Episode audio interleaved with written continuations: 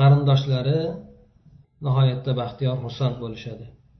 Hamda bu farzandni dunyoga kelishligi ota onasini xosatan onasini totgan alamlarini qiyinchiliklarni evaziga ana o'sha narsalarni unut bo'lishligi uchun alloh taolo tomonidan bir ne'mat qilib ato etiladi.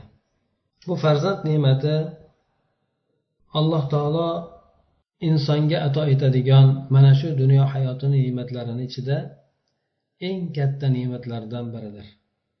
Shuning uchun bu alloh taolo bergan ne'matni qadrlashlik maqsadida inson shukronalar keltiradi.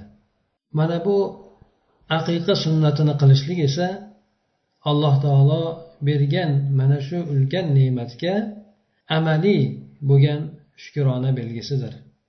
Payg'ambar sollallohu alayhi vasallam hadislarini birida bayon qilganlarki qaysi bir kimsaga farzand dunyoga keladigan bo'lsa ya'ni qaysi bir kimsa farzand ko'radigan bo'lsa undan bir aqiqa qilishligini yaxshi ko'radigan bo'lsa aqiqa qilsin. Hamda bir o'g'il bola bo'ladigan bo'lsa undan ikkita bir biriga yaqin bo'lgan bir biriga o'xshash bo'lgan qo'y so'ysin qiz bola bo'ladigan bo'lsa bitta qo'y so'ysin deb turib payg'ambar alayhi vasallam bashorat qilganlar endi xabar aytib o'tganlar demak aqiqa deganimiz yangi tug'ilgan chaqaloqni nomidan tug'ilgan kunini bir hafta bo'lgan paytida yettinchi kunida so'yiladigan jonliqqa demak aqiqa deb aytiladi. Aqiqa deb nomlanishligini sababini olimlar aytishadiki bu jonliqni so'ygan paytida uni tomirlarini ham qo'shib kesiladi ajratib tashlanadi.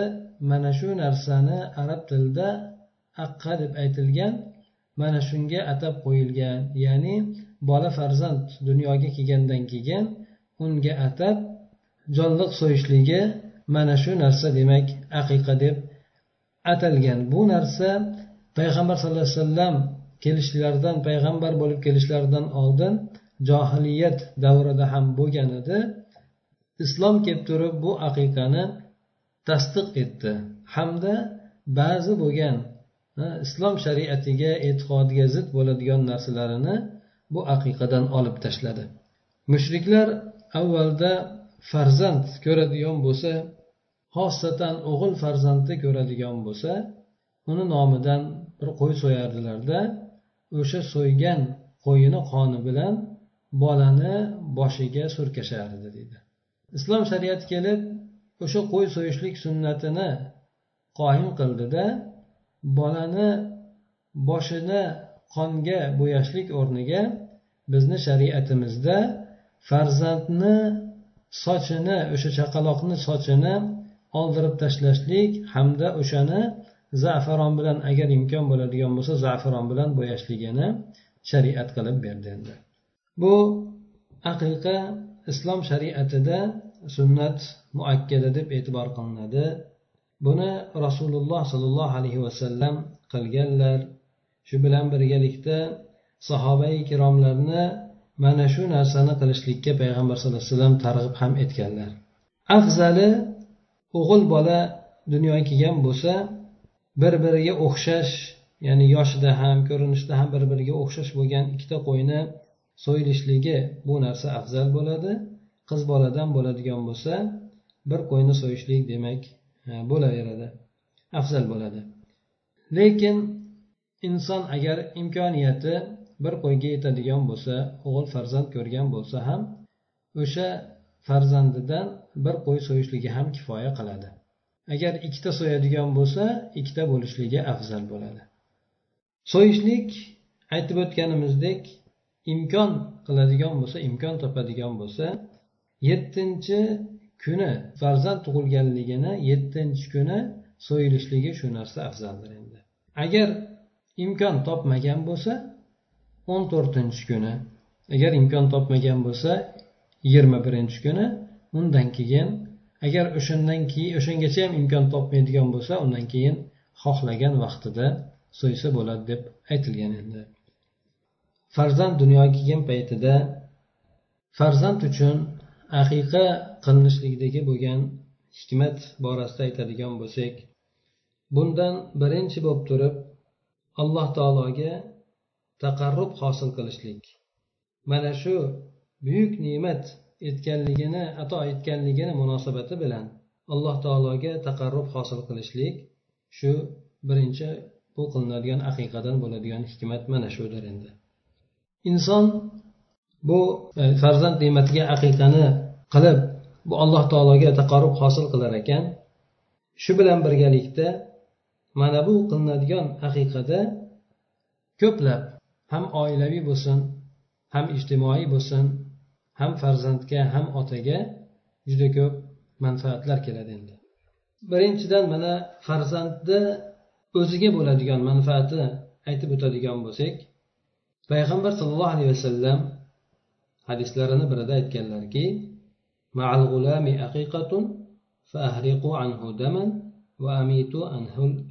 deganlar. Ya'ni yangi tug'ilgan bola bilan birga aqiqa qilinadi. Aqiqa bordir. Sizlar o'sha chaqaloqdan qon chiqaringlar. Hamda o'sha farzanddan ozor aziyat bo'ladigan narsani ketkizinglar deb payg'ambar alayhisalom aytganlar endi. Xo'sh bu bolada aqiqa qilinishligini qanday u boladan ozor ketilishligiga e, sabab bo'ladi? Aqiqa qilinishligi bu bolada mana payg'ambar alayhisalom hadislarda aytgandek undan ozorni ketkazinglar dedi. Bu aqiq qilishligini qanday bu ozor ketishligiga aloqasi bor. Mana qaraydigan bo'lsak inson oilasi bilan birga qo'shilayotgan vaqtida alloh taoloni nomi bilan boshlaydi.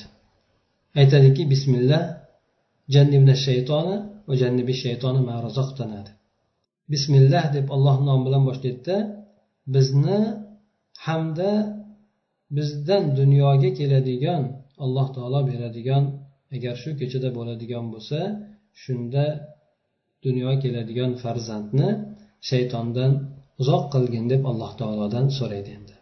Mana shu o'rinda demak inson farzandini hali dunyoga kelmasidan turib shaytondan uzoqroqda bo'lishligi shaytonni har xil aldovlari qiziqtiruvlariga tushib qoladigan farzand bo'lmasligi uchun hali farzand dunyoga kelmasdan boshlab ota ona g'am qiladi.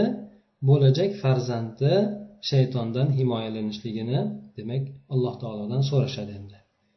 Ana unda farzand dunyoga keladigandan keyin ota ona shu farzandini dunyoga kelib bo'lganidan keyin avvalo aytib o'tganimizdek alloh taologa bu ato etgan ne'matini shukronasiga qo'y so'yishligi bilan birgalikda shu farzandidan kelajak hayotida bo'ladigan ozor aziyatlarni ham olib tashlashligi farzandini shu shaytondan himoyalashligi uni adashtiruvlariga ketib qolishlikdan saqlashligi maqsadida mana shu farzandidan aqiqani bajo etadilar endi. Mana bu yerda kelgan ozor haqida olimlar demak turli fikrni bildirganlar. Shulardan biri ibn qayim rahmaulloh aytib o'tganki biz yuqorida aytib o'tgan shu farzand demak hali dunyoga kelmasidan turib onani bachadoniga suv tushgan vaqtidanla o'sha farz bo'ladigan farzandni shaytondan saqlashligini alloh taolodan so'ralar ekan. Uzoq emaski farzand dunyoga kelgandan keyin ota onasi demak o'sha farzandidan alloh taolo uni shaytonni adashtiruvlardan saqlashligi uchun himoya vositasida mana shu qo'y so'yishlikni alloh taolo shariat qilib bergan bo'lsa ajab emas deb aytadilar endi. Bundan tashqari aqiqa qilingan farzand bilan aqiqa qilinmagan farzandni olimlar aytishadiki ulg'ayib o'sishligida ham farq bor deydi. Mana bu farzanddan aqiqa qilinishligi xuddi inson duo qilganda ma'naviy tomonidan o'sha duo insonga manfaati tekkanidek aqiqa qilinadigan bo'lsa bu ham o'sha ma'naviy tomonidan farzandni salohiyatiga sabab bo'ladi deb aytishgan.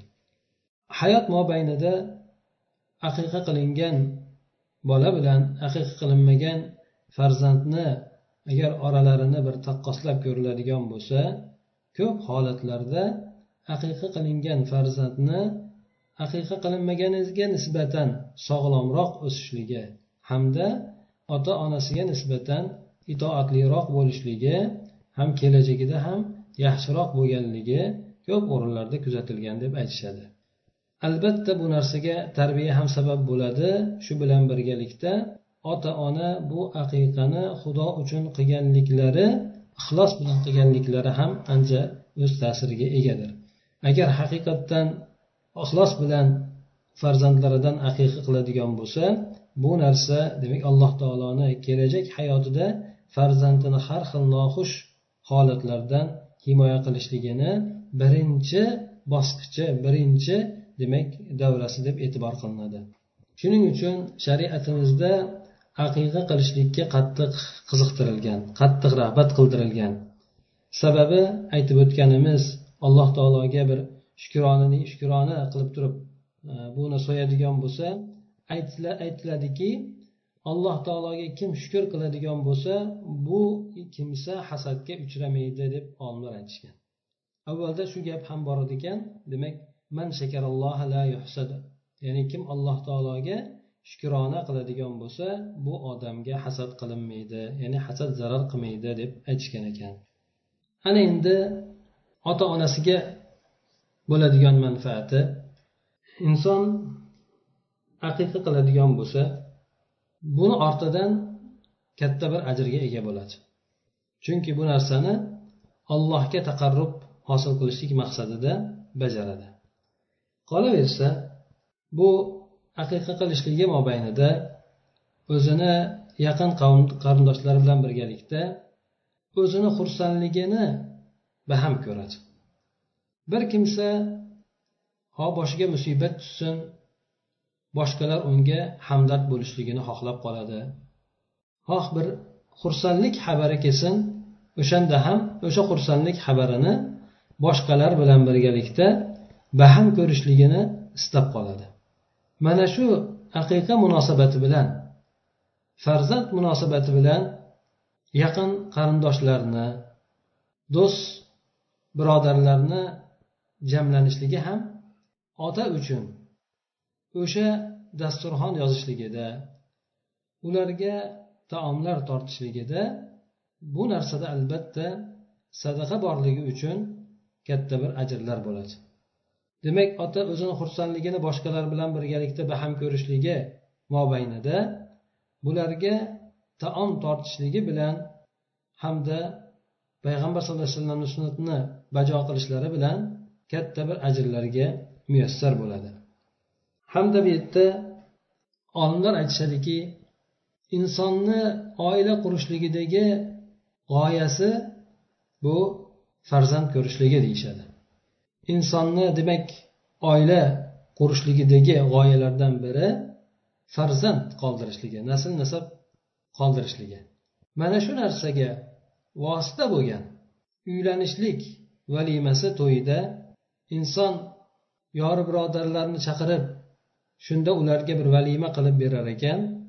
Asosiy maqsad bo'ladigan farzand dunyoga kelishligida yori birodarlarni chaqirib bular bilan xursandligini baham ko'rishligi bu narsa avloroq bo'ladi deb aytishgan. Demak vosita uchun qilinishligi lozim bo'lgan narsa maqsad uchun qilinishligi loyiqroq deb aytishgan endi. Ana undan keyin jamiyatga bo'ladigan manfaatlari. Jamiyatga bo'ladigan manfaatlarida bu farzand dunyoga kelishligi hamda unga aqiq qilinishligi munosabati bilan aytib o'tdik. Yaqin birodarlar yaqin qarindoshlar ana o'sha munosabat bilan jamlanishadi hamda jamiyatga quvvat bo'lib kuch bo'lib kelayotgan yangi avlodni qutlashadi. Odamlar bir biri bilan ko'rib suhbatlashib xursandchilik kunlarida ko'rib suhbatlashib turishligi oqibatida oralarida bo'lgan g'ildig'ashliklar bo'ladimi gina kudratlar bo'ladimi mana bu narsalarni ko'tarilib ketishligiga sabab bo'ladi. Ana o'shandan mana shariatimizda juda ko'p o'rinlarda odamlarni jamlanishligini shariat qilib bergan. Qarasak besh vaqt namozda juma namozida har xil mana bunga o'xshagan valima bo'lsin aqiqa bo'lsin shunga o'xshagan munosabatlarda hamda olamiy bo'lsin mana haj munosabatlarida shariatimiz odamlarni bir biri bilan muloqot qilib turishligiga bir birlarini hol ahvollaridan xabardor bo'lishlikka bir birlariga qo'ldan keladigan yordamlari bo'ladigan bo'lsa ana o'sha narsalarni berishlikka demak shariatimiz shunaqangi odamlarni jamlanadigan o'rinlarini shariat qilib bergandir. Mana shulardan birisi biz hozir uni ustida turgan aqiqa munosabati ham shular jumlasidandir. Jamiyat o'ziga yangi qo'shilayotgan avlodlarni bizni shariatimizda xursandlik bilan qabul qilib oladi. Ana o'sha ne'mat uchun bular ham alloh taologa uni ota onasi bilan birgalikda hamdu sano aytadi. Negaki jamiyatni quvvati o'sib ulg'ayib keladigan avlodlar bilan bo'ladi.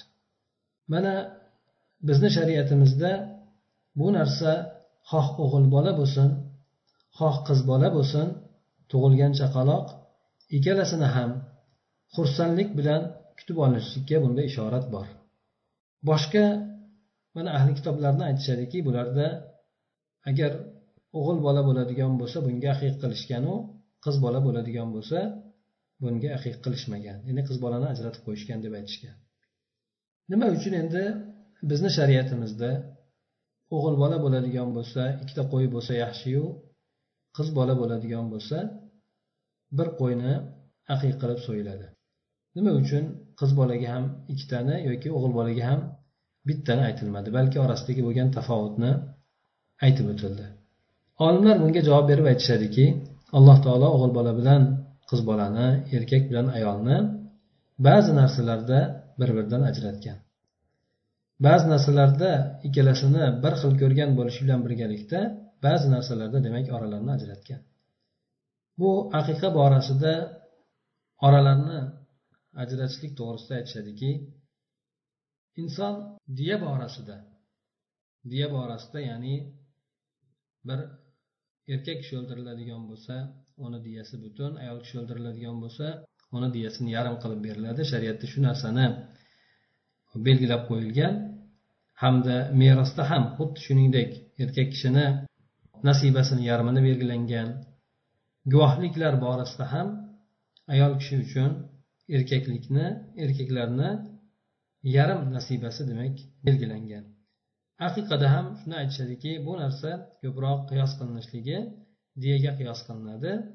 Insonni diyasini berishlikda erkak kishini butun berilib ayol kishini yarmi berilgani kabi bu qurbon nima aqiq qilishlik ham insondan bir fidya qilishlik. Inson insonni demak fidyasi hisoblanadida mana shu jihatdan o'g'il bolaga bo'ladigan bo'lsa ikkita qo'y so'yilganligi ma'qul. Qiz bo'ladigan bo'lsa bunga bir qo'y so'yiladigan bo'lsa kifoya qiladi deb aytishgan. Yana bu aqiqani hikmati borasida aytishadiki bu narsada ibrohim alayhissalomga ergashishlik bor. Go'yoki ota farzandi sababidan alloh taolo o'sha ne'matni bergan paytida unga alloh taologa taqarrub hosil qiladigan bir qurbonlikni fidyani taqdim qiladi deyishadi. Mana ibrohim alayhissalom alloh taolo u kishiga farzandini qurbon qilishlikni avvalda farzandini qurbon qilishligini aytadida ana o'sha narsaga kirishgan vaqtida alloh taolo bu ismoil alayhissalomni bir qo'y bilan o'rnini almashtirib beradi. Ismoil alayhissalomni o'rniga o'sha qo'yni demak qurbonlik qiladilar. Mana bu narsa bu ummatda qurbonlik qonunini sunnatini keltirib chiqardi. Ana shuning uchun aytishadiki ibrohim alayhissalomni farzandida bo'lgan bu holati ya'ni farzandini unga qurbonlik qilishligi bu e, qo'yni qurbonlik qilishligi mana shu ummatda ham qoldiki bu narsa demak farzandni saqlab qolishlik maqsadida alloh taolo demak bergan ne'matini shukronasiga hamda bu farzandni har xil narsalardan har xil yomonliklardan saqlab qolishlik maqsadida farzandidan qo'y bilan demak fidya qiladi deb aytishgan. Yana undan tashqari bu aqiqa qilishlikda bizni shariatimiz e'tiborga olgan narsalardan yana bir tomoni oilaviy bo'lgan nikohni oshkor qilishlik. Albatta bu farzand dunyoga kelgan vaqtida undan aqiq qilishligi mobaynida ota onani demak shar'iy suratda nikoh qilganligi hamda ana o'sha farzand shar'iy tomondan dunyoga kelganligi hamda uni ota onasi kim ekanligi demak oshkor qilinadi. Mana shu aqiq qilinadigan demak marosimni ortidan shariatimiz mana shu narsani ham e'tiborga olib bu shariatni e, bu aqiqani shariat qilib bergan deb aytishadi. Boshqa mana ummatlarni ko'radigan bo'lsak bularda oila masalasi mana o'zimiz yon atrofimizda ko'rib turganimizdek unaqangi bir muhim bo'lgan narsa emas farzand ko'rishlik unaqa ular uchun muhim bo'lgan narsa emas hattoki oila qurishlikdan maqsad ularda farzand ko'paytirishlik ham emas bizni shariatimizda bo'ladigan bo'lsa oila qurishlikdan maqsad inson o'zini rag'batlarini g'arizalarini halol yo'l bilan birga halol yo'l bilan qondirishlik bilan birgalikda buni ortida oliy maqsad nasl qoldirishligi demak shu ummatni quvvati kelajakdagi quvvati bo'ladigan nasllarni qoldirishlik mana shu narsani maqsad qilib belgilangan. Mana shu aqiqa demak marosimida bu oilani demak shar'iy tomondan tuzilganligi hamda farzand dunyoga shar'iy tomon halol tomondan dunyoga kelganligini demak alomati sifatida shariatimiz bu aqiqa e, marosimini shariat qilib bergan deb aytiladi.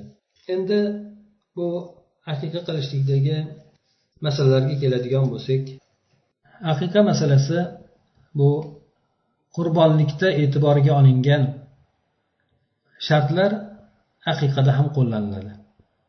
Aybi nuqsonlardan xoli bo'lishligi sababi inson alloh taologa taqdim qiladigan narsasi nihoyat darajada chiroyli bo'lishi kerak. Inson shu dunyo hayotida agar biron bir mansabliroq bo'lgan odamga biron narsani taqdim qiladigan bo'lsa aybli bo'lgan narsani bermaydi. Nuqsonli bo'ladigan narsani unga taqdim qilmaydi balki eng sarasini eng tozasini tanlab yurib olib sotib olib qimmat bahoga bo'ladigan bo'lsa ham sotib olib o'sha narsani taqdim qiladi. Alloh taolo uchun taqdim qilinadigan narsani demak misoli yo'qdir. Alloh taologa inson qiladigan amallarini go'zal suratda taqdim etishligi kerak. Shuning uchun bu so'yadigan qurbonligida albatta aybu nuqsonlardan xoli bo'lishligi kerak. Qaysiki qurbonlik masalasida qilingan shartlar bo'ladigan bo'lsa bu aqiqa borasida ham unday shunday shartlar qilinadi. Ya'ni bu shartlardan aslida shoqi bo'lgan bo'lsa u sinib ketmagan bo'lishlik kerak. Haddan ziyod oriq bo'lmaslik kerak. Cho'loqligi aniq ravshan bo'lmaslik kerak. Ko'zlarini qo'yni ko'zlarini sog'lomligi ham demak o'ta darajada ko'zlari g'ilay yoki shunga o'xshagan bir E, noqisligi bo'lmaslik kerak. Hamda a'zolari masalan qulog'i bo'lsin katta qismi katta qismda kesilmagan bo'lishlik kerak. Ozgina qismi bo'ladigan bo'lsa bu narsani joiz deb aytishgan lekin o'sha ham bo'lmasdan mukammal bo'lganligi yaxshiroq bo'ladi endi. Qurbonlikda nima narsa so'yiladi? E, bu aqiqada nima narsa so'yiladi? Xuddi qurbonlikda so'yiladigan narsalarni aqiqada ham so'yish joiz deb aytishadi. Ba'zi olimlar lekin faqatgina qo'yni o'zigagina chegaralangan qo'ydan boshqasi kifoya qilmaydi deb aytishadi. Lekin kuchliroq bo'lgan so'zga binoan qurbonlikda nima so'yiladigan bo'lsa haqiqada ham o'sha narsa so'yilishligi joizdir. Bu qo'y agar olti yoshdan e, olti oylikdan ortadigan bo'lsa olti oy to'liq bo'lib undan o'tadigan bo'lsa echki bir yoshdan ya'ni bir yildan to'lib o'tadigan bo'lsa agar inson mol so'ymoqchi bo'ladigan bo'lsa ikki yildan to'lib o'tgan agar tuya so'ymoqchi bo'ladigan bo'lsa shu besh yildan o'tgan bo'lishligini aytishadi. Lekin mol bilan tuya faqatgina qurbonlikka o'xshagan yetti kishidan kifoya qilmaydida balki bir farzanddan kifoya qiladi xolos. Agar inson bir saxovatligi tutib qo'yni o'rniga mol so'yib tarqataman deydigan bo'lsa bu narsa o'zini ixtiyori. Lekin olimlar aytishadiki qo'y so'yganligi afzal bo'ladi. Sababi payg'ambar sallallohu alayhi vasallam eng afzal narsani qilganlar nevaralaridan hasan husan roziyallohu anhulardan demak qo'y so'yganlar. Ikkita ikkitadan demak qilib qo'chqor so'yganlar. Shuning uchun qo'y so'yilishligini afzal deb aytishgan. Buni so'yiladigan kuni aytib o'tdik. Yettinchi kunida o'sha tug'ilgan kuni bilan birgalikda hisoblanib yettinchi kun bo'lganda masalan payshanba kuni tug'ilgan bo'lsa chorshanba kuni qurbon aqiqa qilib so'yiladigan bo'lsa mana shu yettinchi kuni deb aytishgan. Ba'zilar shu yetti kun to'lgandan keyin yettinchi kun bo'ladi deb aytishgan lekin usaymi rahmatullohi alayhi so'zlariga ko'ra yettinchi kun kirishligi demak o'sha yettinchi kun bo'lganligini anglatadi. Agar payshanba kuni tug'ilgan bo'lsa chorshanba kuni yettinchi kuni bo'ladi. Shu kuni so'yilaveradi deb aytishgan. Agar inson ba'zi o'rinda hop holat shuni taqozo qilib qolsaki yetti kun bo'lmasdan oldin so'yishlikni taqozo qiladigan bo'lsa olimlar aytishadiki so'ysa joiz bo'laveradi lekin yettinchi kuni bo'lganligi afzal deb aytishgan. Agar yettinchi kunda imkon topolmaydigan bo'lsa undan keyingi yettinchi kunda ya'ni o'n to'rtinchi kunda so'yishligi unda ham ungacha ham imkon topolmaydigan bo'lsa yigirma birinchi demak kuni so'yishligi. Agar inson imkoniyatida qiyinroq bo'lgan holat bo'lib shu asnosida so'yadigan bo'lsa u ham joiz bo'laveradi deb aytishgan. Lekin e, shu hadisda bayon qilingan yettinchi kunida bo'lishligi eng afzali deb aytishadi.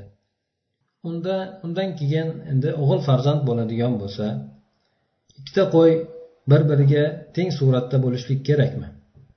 Yoshi ham ko'rinishi ham bir xil bo'lishlik kerakmi? Bir xil bo'lganligi afzal bo'ladi. Agar bir biridan farq qiladigan bo'lsa joiz bo'laveradi deyishadi.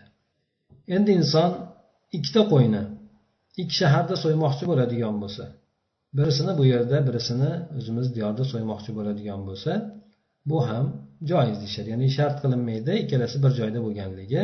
Yoki bo'lmasa bir vaqtda so'yilishligi ham shart qilinmaydi deydi lekin bir vaqtda so'yiladigan bo'lsa yaxshiroq lekin orasida farq bo'ladigan bo'lsa ya'ni bir o'tgan haftada o'zimiz diyorda so'yilgan bo'lsa bu haftada bu yerda so'yiladigan bo'lsa bu narsa joiz zarari yo'q deb aytishadi. Bu aqiqani so'ygandan keyin taqsimoti to'g'risida. Qanday qilib taqsim qilinadi? Olimlar aytishadiki afzali qurbonlik go'shti qanday taqsim qilinadigan bo'lsa buni ham shunday taqsim qilishlik afzal bo'ladi deyishadi. Qanday qilib taqsim qilinadi? Uch bo'lakka bo'linadida. Bir bo'lagi yeyish uchun saqlab qo'yiladi. Bir bo'lagini ahli oilasi bilan o'sha kunlarda yaqin o'zini qarindoshlari bilan yeb yediradi. Bir bo'lagini bo'lsa boshqa odamlarga ehson qilib tarqatadi. Agar ba'zilar aytishadiki taom qilib turib o'sha yaqinlarni chaqiradigan bo'lsa qarindoshlarini do'st yor birodarlarni chaqirib shuni yediradigan bo'lsa bunisi afzalroq bo'ladi deb aytishgan endi. Chunki haligi aytib o'tganimizdek bu orada demak ko'pchilikda o'sha xursandlikni birga baham ko'rishligi bir biri bilan demak suhbat qilib e, uchrashuv muloqotlar qilishligi oradagi bo'lgan qudratlar bo'ladigan bo'lsa bu narsalarda ko'tarilishligi hamda bir birlari bilan o'sha yerda ko'pchilik bo'lgan holatda farzandni ota onani haqqiga duo qilishlari mana shu narsalar demak bu jamlanib o'tirishlikni afzalroq ekanligiga dalolat qiladi deb aytishgan. Endi bu aqiqani suyaklari ba'zilarda demak gap bor. Bu gap eskidan davom etib keladi. Hop suyagi sindiriladimi yoki yo'qmi deb. Ba'zi olimlar aytishganki mana yana sahobalardan oysha onamiz bor yana ba'zi sahobalar bor. Undan keyingi olimlardan imom ahmad bor. Bular aytishganki o'sha bolani salomat qolishligi uchun tafoul jihatdan yaxshilikka yo'yishlik jihatidan o'sha suyaklarni sindirmasa yaxshi bo'ladi deb aytishgan. Lekin boshqa olimlar aytishadiki bu narsa to'g'risida payg'ambar alayhissalomdan hech qanaqangi dalil kelmagan. Agar inson e, aqiqani go'shtini sindirishlikka ehtiyoj topadigan bo'lsa sindiraveradi hech qanaqangi zarar ziyoni bo'lmaydi deb aytishgan. Yana shu aqiqani e, aqiqaga aloqador bo'lgan masalalardan demak uni ba'zilarda gap bo'ladiki suyaklarini ko'milar ekan degan narsada. Yo'q suyaklari ko'milmaydi boshqa suyaklar kabi. Boshqa narsalarga demak suyaklar asosan ba'zi maxluqotlarga yem hisoblanadi. Shuning uchun ularni o'zini holatida qoldirilaveradi. Ho'p inson yana shu masalada keladiki aslida birinchi aqiq qilishlik otani zimmasiga tushadi. Ota bo'lmaydigan bo'lsa o'rnidan ona aqiqa qilaveradi.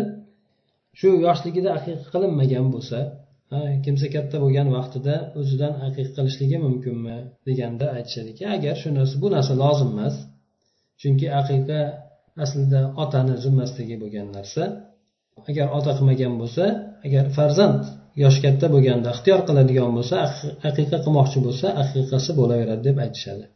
Yangi tug'ilgan chaqaloqqa aloqador bo'lgan hukmlardan uni sochini oldirilishligi bu narsa ham demak shariatimizda afzal amallardan deb aytilgan.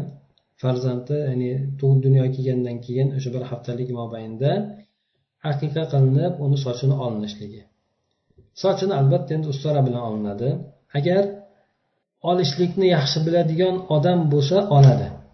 Agar eplolmaydigan bo'ladigan bo'lsa bunda agar kesib qo'yadigan bolani boshini qiynaladigan bo'lsa unda oldirmasdan qoldiraveradi. Uni o'lchab turib o'lchash imkoniyati bo'ladigan bo'lsa o'lchab turib uni barobarida himmatiga qarab turib yo tilladan sadaqa chiqaradi yoki bo'lmasa kumushdan sadaqa chiqaradi. O'sha bolani demak sochini nozik bo'lgan tarozilar bo'ladi. O'shalarga qo'yib turib grammini o'lchab necha gramm chiqadigan bo'lsa o'shancha gramm miqdorida agar saxovati tutib ketsa tillodan bo'lmasa kumushdan chiqarishligi afzal bo'ladi endi. Agar inson imkoniyati bo'lmaydigan bo'lsa o'sha sochini oldiradida uni qoldiraveradi endi. Ya'ni sadaq qilishlikka imkoniyati bo'lmasa qoldiraveradi. Lekin unaqayli kumushga hisoblaganda katta narsa chiqmaydi ozginagina mablag' bo'ladi xolos. Undan keyin ism qo'yilishligi. Ism qo'yilishligida ota farzandi uchun eng yaxshi ismlarni tanlab qo'yilishligi lozim bo'ladi. Ismni farzandga aloqasi ham bor. Insonni hayotiga ham aloqasi bor. Shuning uchun yaxshi go'zal bo'lgan ma'nosi yomon bo'lmagan ismlarni tanlashlikka buyurilgan. Bu ism bilan o'sha farzand dunyoda ham chaqiriladi oxiratda ham chaqiriladi. Undan keyin agar yomon ism bo'ladigan bo'lsa payg'ambar sallallohu alayhi vasallam ba'zi ismlarni o'zgartirgan. Yo aynan o'zi yomon bo'lganligi uchun yaxshilikka dalolat qilmaydigan yomon bo'lganligi uchun yoki bo'lmasa o'zi yaxshi nomu lekin yomonlik narsa kelib chiqishligi yomonlik ma'nosi kelib chiqishligi oqibatida demak ba'zi so'zlarni o'zgartirgan. Shundan demak ota farzandi uchun ho o'g'il bo'lsin ho qiz bo'lsin yaxshiroq bir ma'nilik bo'lgan foydasi bo'ladigan yaxshi bir kimsalarni agar ismlari bo'ladigan bo'lsa ularga o'xshashligini allohdan umid qilgan holatda o'sha farzandiga nom qo'yadigan bo'lsa bu ham otani o'sha farzandni tarbiyalashligiga bosgan qadamlaridan biri hisoblanadi. Ha farzandni dunyoga kelishligidan oldin bismilloh deb aytib uni shaytondan panoh so'rashligini boshlashligi demak tarbiyani avvalgi bosqichlardan bo'ladigan bo'lsa dunyoga kelgandan keyin undan aqiqa qilib hamda ismlarni go'zalini tanlab farzandiga qo'yishligi o'sha farzandini tarbiyasini tarbiyasi uchun bosgan keyingi qadamlaridan biri deb e'tibor qilinadi. Shuning uchun ota farzandiga yaxshi go'zal bo'lgan ismlarni tanlab mana sahobalarni ismlari bor payg'ambarlarni ismlari bor shularni ismlaridan agar ayol kishi bo'ladigan bo'lsa qiz bola bo'ladigan bo'lsa mana sahobai ayollar bor. Yoki bo'lmasa o'tmishda o'tgan nihoyatda taqvosi ilmi amali bilan mashhur bo'lgan e, yaxshi ayollar bor. Ana shularni nomlarini bir tafoul qilib yaxshilikka yo'yib shularda shularga o'xshagan meni farzandim nihoyatda bir olim bo'lsin zohid bo'lsin allohga yaqin bandalardan bo'lsin deb turib yaxshilikni umid qilgan holatda yaxshi nomlarni qo'yadigan bo'lsa bu ham o'sha farzandi uchun tarbiyasini tarbiyasini boshlaganligidagi qadamlardan biri hisoblanadi. Demak e, bu aqiqa qilishlik payg'ambar sallallohu alayhi vasallam hadislarni birida aytganlarki bola aqiqasiga bog'lanib qolgan deb aytganlar.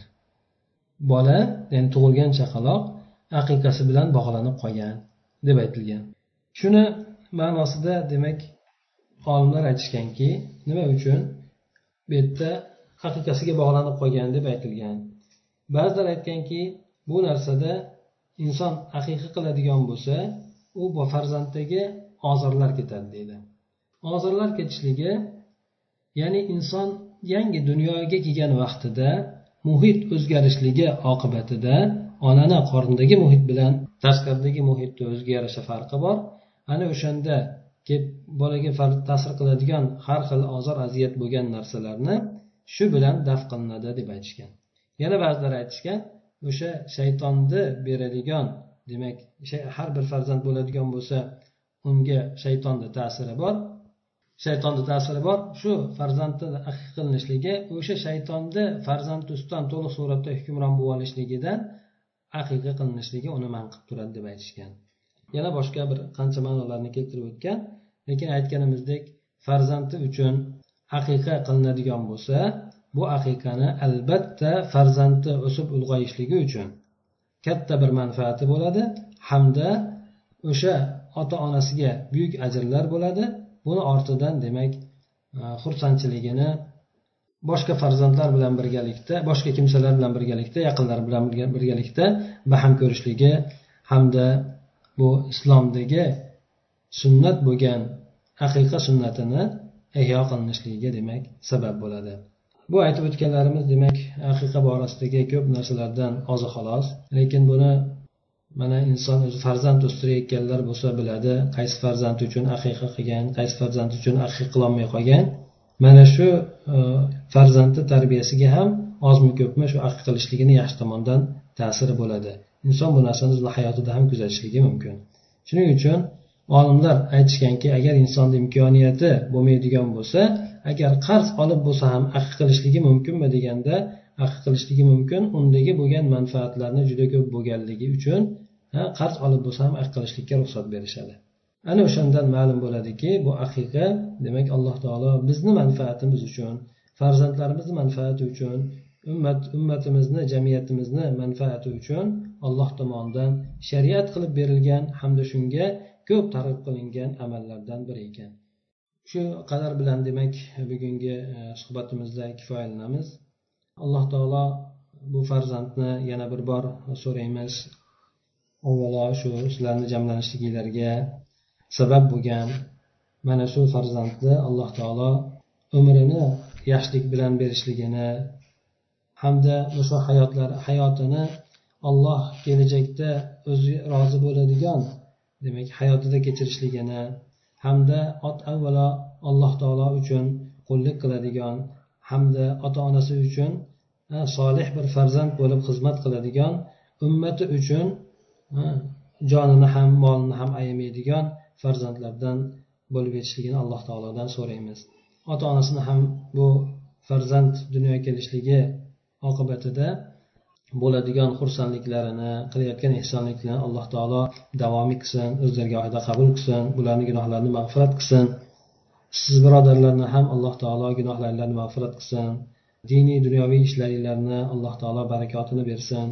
Xato kamchiliklari bo'ladigan bo'lsa o'zi isloh qilsin. Oralarimizdagi bo'ladigan muomalarimizdagi e, gina qudratlar bo'ladigan bo'lsa alloh taolo mana shunday xursandchilik kunlarida bir birimizga xursand boqqan holatimizda qalblarimizni ham bir biriga shunday ulfat qilib qo'ysin endi.